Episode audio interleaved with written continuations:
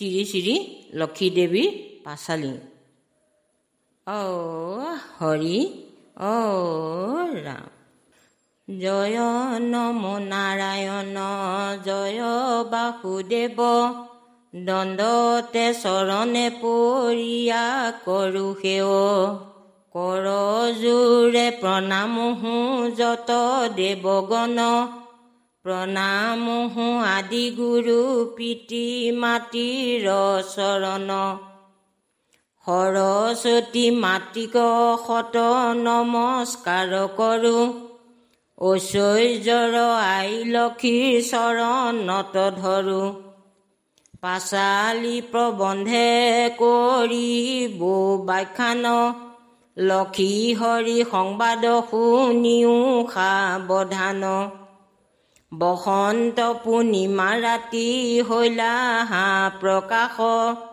চন্দ্ৰৰ কিৰণে ভাৱে নিৰ্মলয় আকাশ। মন্দ মন্দ বৈ আছে মলয় পৱন। সুশীতল হৈ আছে এই ত্ৰিভুৱন। এহেন বসন্তকালে বৈকুণ্ঠ ভুৱনে লক্ষী নাৰায়ণ আছে বহি সিংহাসনে। এ ৰাম কহে লক্ষী দেৱী প্ৰতি তেবে নাৰায়ণ। কমল নয়নী দেৱী শুনাই আমাৰ বচন। সৰ্বলোকে কহা তুমি সৌভাগী দায়িনী সেহি হেতু তোৱা নাম তিলোক পাৱনী জগতৰ হেতু মোৰ ব্যাকুলিত মন ক্ষুধা দুখ সুখে চিন্তে মত্যবাসী গণ সম্পদ ৰূপিণী তুমি নাৰায়ণী দয়া কৰি ৰক্ষা কৰা এহি সে ধৰণী মুহুৰ সৃজিত এই যত চৰাচৰ অনাভাৱে মৰে সবে দুখ লাগে বৰ। এতেকে কহিলা যেবে দেৱ নাৰায়ণ ধীৰে ধীৰে লক্ষী দেৱী বুলিলা বচন সদাময়ী দুখী মত বাসীৰ কাৰণ। কোৱা প্ৰভু কি ভাবে কৰো দুখ নিবাৰণ? অনাচাৰ পূৰ্ণ হৈয়া সকল ভুৱন। নিজ কৰ্মে ফলে পাই দুখ নৰ নাৰীগণ পাপ পুণ্য হৈ আছে সমস্ত ধৰণী। মত্যবাসী পাই দুখ আপোনাই আপুনি। লক্ষীৰ বচন শুনি দেৱ চক্ৰপাণী। বিষাদিত মনে কহে সকৰুণবাণী কোৱা দেৱী সত্য কৰি স্বৰূপ কথন। কি কৰিলে সুখী হব মত্যবাসীগণ এ ৰাম কোৱা দেৱী মোৰ আগে হব বিৱৰণ। কোন স্থানে হুয় তোমাৰ আগমন এহি সময়ত নাৰদয় আহি ভৈলাই উপস্থিত। যথাতে আছে নাৰায়ণ লক্ষীৰ সহিত। নাৰদে বুলন্ত শুনা জগতৰ আই কি কাৰণে মত্যবাসী বৰ দুখ পায়? দুয়োজনৰ আগে লক্ষী কহিবা কললা? কি কাৰণে মত্যবাসী বৰ দুখ পাইলা? এ ৰাম নাচাৰ হৈ আছে সমগ্ৰ ধৰণী। সেহি হেতু দুখ পাই মত্যবাসী নৰ নাৰী। জীৱা মতে হৈব শান্তি এহি সে ধৰাত। কহো মই সেই কথা দুয়োৰে আগত। অহংকাৰ পূৰ্ণ হব নৰ নাৰীগণ। অনাচাৰে থাকে ৰত সদা সৰ্বখন কদাপিতো নমানয় শাস্ত্ৰৰ বিচাৰ। নিজ ধৰ্ম মাথো কৰিছে পৰিহাৰ। প্ৰতি প্ৰতি শ্ৰদ্ধা নকৰয় নাৰীগণ নকৰয় কোনোদিনে দেৱতা পূজন। সন্ধ্যাকালে প্ৰদীপনি দিয় ঘৰে দেৱদীজে ভক্তি নাই অলপ অন্তৰে। লক্ষী দেৱী কহে মন দিয়া কৰয় শ্ৰৱণ কোন কোন স্থানে মূৰ আগমন।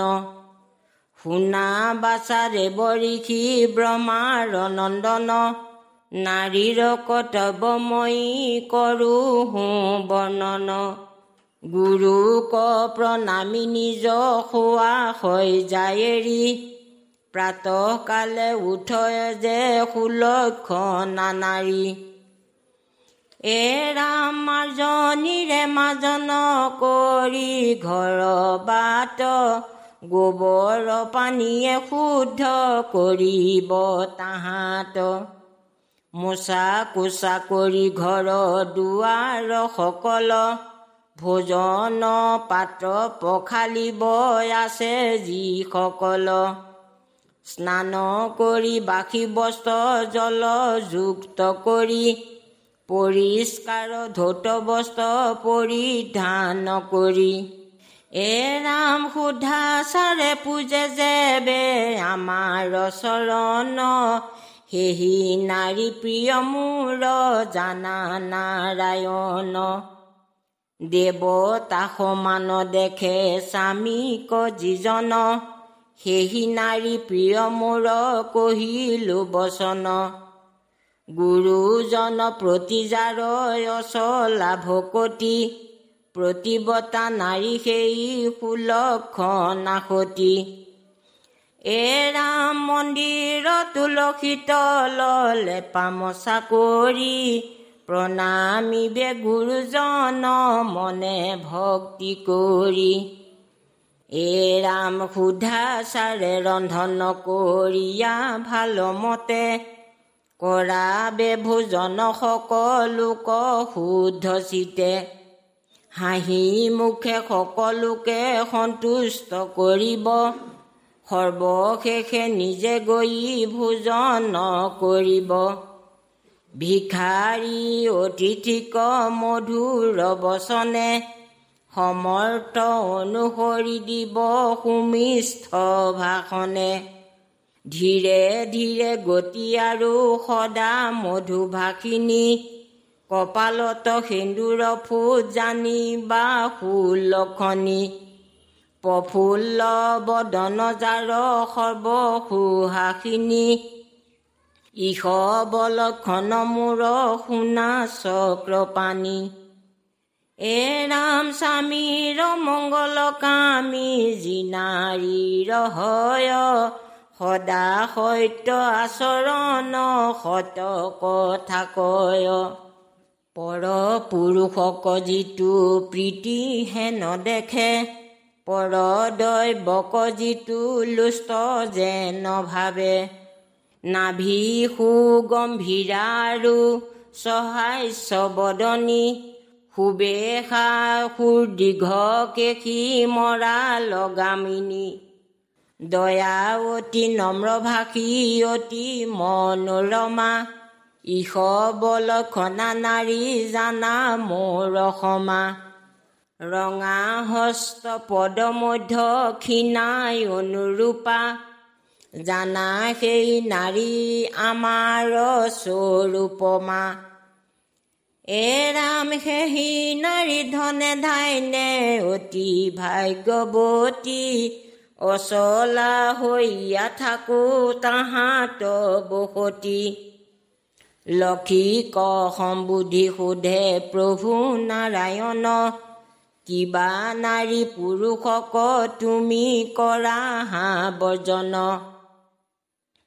নাৰায়ণ আগে পুনু লক্ষী বোলে বাণী ত্ৰিকুল খনি নাৰী তেজুম চক্ৰ পানী। কুৰকুটা কেচাৰ আৰু উদ্ধস্তন সেই নাৰী হয় প্ৰভু আমাৰ বৰ্জন। কদাকাৰ বেশজাৰ মলি নবদন সেই নাৰী হয় প্ৰভু আমাৰ বৰ্জন। স্বামীক এৰিয়া কৰে পৰ পুৰুষ কমন সতে সতে মই তাইক তেজু নাৰায়ণ। মলমূত্ৰ মুখ ধুই পেলাই দুৱাৰৰ দ্বাৰে সতে কৰি কহো প্ৰভু নাযাওঁ তাৰ ঘৰে। এ ৰাম পিঙল নয়ন জাৰ পুচিত বদন ধূলি মাটি ঘঁহে গাঁৱে কঠোৰ ভাষণ। নক্ষত্ৰ নামিকা বেচা সৰ্বসুলখনি তাইকতে জহু প্ৰভু শুনা চক্ৰ পানী খৰমীয়া ভৰি জাৰ মেচেলা কংকাল হয়। পাৱে পাৱে ঘষি থাকে ধূলা মাটি ছয়। খোজত চৰণ জাৰ চত চতি ফুটে তাইৰ চৰিতে স্বামীৰ আয়ু সজে তুতে বিকট আকাৰ দাঁত উঠলা কপাল অসত্য ভাষিনী দুষ্ট মতি চিৰকাল। ভৰিত পানী দিলে শীঘ্ৰে শুকাই যাই অৱশ্যে বিধৱা হৈবে দৈৱে বাধা নাই। উচ্চ কণ্ঠে কথা কৈ গৰ্বিত বচন। এহি সব নাৰিকতে জুহু নাৰায়ণ। পিঙল বৰণ চুলি ধেমে চাককাল। বিকৃতি নয়না সংগ এৰু চিৰকাল। বাহি চোতালত মাৰ্জন জীৱা নকৰয়। বাহি বস্তে স্নান এৰি ভোজন নকৰয়। অমাজিত পাতে যিটো ভোজন নকৰয় মুখ ধুই দন্তে জীৱা খৰি কাণলয় গুৰুজনৰ প্ৰতি যাৰ শ্ৰদ্ধা ভক্তি নাই তাহাকে তেজুহু মই নাযাওঁ তাৰ ঠাই। অন্ধকাৰে শুৱে আৰু তিন চিঙে নখে। চিৰকাল তাহাৰ মাত্ৰ যাই দুখে। বৃদ্ধ শহুৰ শাহুৰক নকৰে পালন। এ ৰাম কদৰ্থয় বোলে নানা কুবাক্য বচন মাৰ্জন নকৰে ঘৰে শুৱে উলংগতে। এহেন নাৰীক গৃহে নাযাওঁ কোনমতে অতি লোমা লোমিকা জীৱা নাৰী হয় সেহি নাৰী নোহে ভাল কহিলো নিশ্চয়। এ ৰাম কৰ্ণৰ বাহিৰে যাৰ দুয়ো গোটা ৰন্ধ সেহি নাৰী নহে ভাল অতি শয়মণ্ড সন্ধ্যাকালে প্ৰদীপনে দেখো যাৰ ঘৰে। সত্য কৰি কহো প্ৰভু নাযাওঁ তাৰ ঘৰে। এ ৰাম লক্ষী বোলে চিন্তা যি পুৰুষ থাকয় মলিন বস্ত্ৰ পিন্ধে আৰু প্ৰভাতে শুয় অকুমাৰী নাৰী ৰমে পিন্ধে বাহি ফুল। অহংকাৰী অনাচাৰী চণ্ডালৰ তুল। উচিষ্টৰ মাজে যিটো কৰয় ভোজন স্নান কৰি তেল ঘষে ইষ বৰ্জন। আপোনাৰ অংগ যিটো আপুনি বজাই জোৱা খেলি সঞ্চিত ধনক যি কৰে ব্যয় উত্তৰ পশ্চিম শিৰে শুৱে যিটো জন। দক্ষিণ পশ্চিম মুখে দন্ত কমাৰ্জন এ ৰাম নিজ হাতে তুলি পুষ্প শিৰত পিন্ধয়। আপুনি চন্দন ঘষি তিলক কৰয়। এ ৰাম মাটিত বহিয়া খাই বাহি মুখে থাকে। গুৰুজন প্ৰতি নিন্দা কৰে যাকে তাকে। অতিথি নামানে নিন্দয় ব্যৱহাৰ আনৰ নিষ্ট কৰে ধন লোভ আৰ। এৰামি সব পুৰুষতে জোহো নাৰায়ণ নিশ্চয়ে কহিলো প্ৰভু ইসব বচন। কমলাৰ কথা শুনি কহে নাৰায়ণ কহা প্ৰিয়ে আৰু নিষিদ্ধ ভোজন। জীৱা দিনে জীৱা বস্তু খাইবে নলাগয়। বিবৰীয়া সেহি কথা কোৱা মোৰ আগে। এ ৰাম নাৰায়ণ কথা শুনি কহে লক্ষীয়াই সকলো কহিবো কথা তোমাত বনাই। এ ৰাম পতি পদে কুষ্মাণ্ড গো মাংস তুল্য হয়। দ্বিতীয়াতে বহুতি খাই বেকন লাগয়। তৃতীয়াতে পতুলতে হৈ চকু খোল। চতুৰ্থীতে মূলা খালে হৈ ধনৰ নিৰ্মূল। পঞ্চমীতে বেল ফল কলংক আনয়। ষষ্ঠীত নিমখ খালে নানা ৰোগ পায়। সপ্তমীত তাল খালে কলংকয় হয়। অষ্টমীত নাৰিকলে নানা ৰোগ পায়। এ ৰাম নৱমীত কল খাইলে নানা দুখ হয়। দশমীতে কল ময়ে ব্যাধি পাৱই একাদশী তিথিত উৰহি খোৱা বাধা। দ্বাদশী তিথিত পুৰৈ শাকৰ ৰোগ হয় জানা এ ৰাম তয়ো দশী বেঙেনা খাই বে নলাগয়। চতুৰ্দশীত মাটিমাহে কফ ৰোগ হয়। পূৰ্ণিমা অমাৱস্যাই আৰু সংক্ৰান্তিত তৈল মৎস্য মাংস বাধা শাস্ত্ৰৰ বিহিত। আৰু এক কথা প্ৰভুক তোমাৰ আগে জীৱা দিনে খোৰ কৰ্ম কৰিবা কলাগে। মঙলবাৰে আগে পিছে খোৰ কৰ্ম হয় অন্যবাৰে খোৰ কৰ্ম উচিত নহয়। ৰবিবাৰ ধন হানি মংগল আয়ুষ বৃহস্পতি মানে হানি শুক্ৰে শোক ক্ষয়। এ ৰাম শনিতে ধন মান পুত্ৰ সকল বিনাশ। সৌৰ কৰ্মে কথা কহিলো প্ৰকাশ। শুনা বাচাৰে বৰিষি নাৰত পোধন। কহিলো সকলো কথা তোমাক বিদ্যমান। হে ৰাম পূজা ব্ৰত পৃথিৱীত কৰিয়া বৰ্ণন মত্যবাসী যেনে পাই দুখ কৰা হা বিধান। লক্ষী মামে প্ৰণামী নাৰদ দেৱ ঋষি পূজা প্ৰচাৰিতে মতে চলিলা হৰিষি।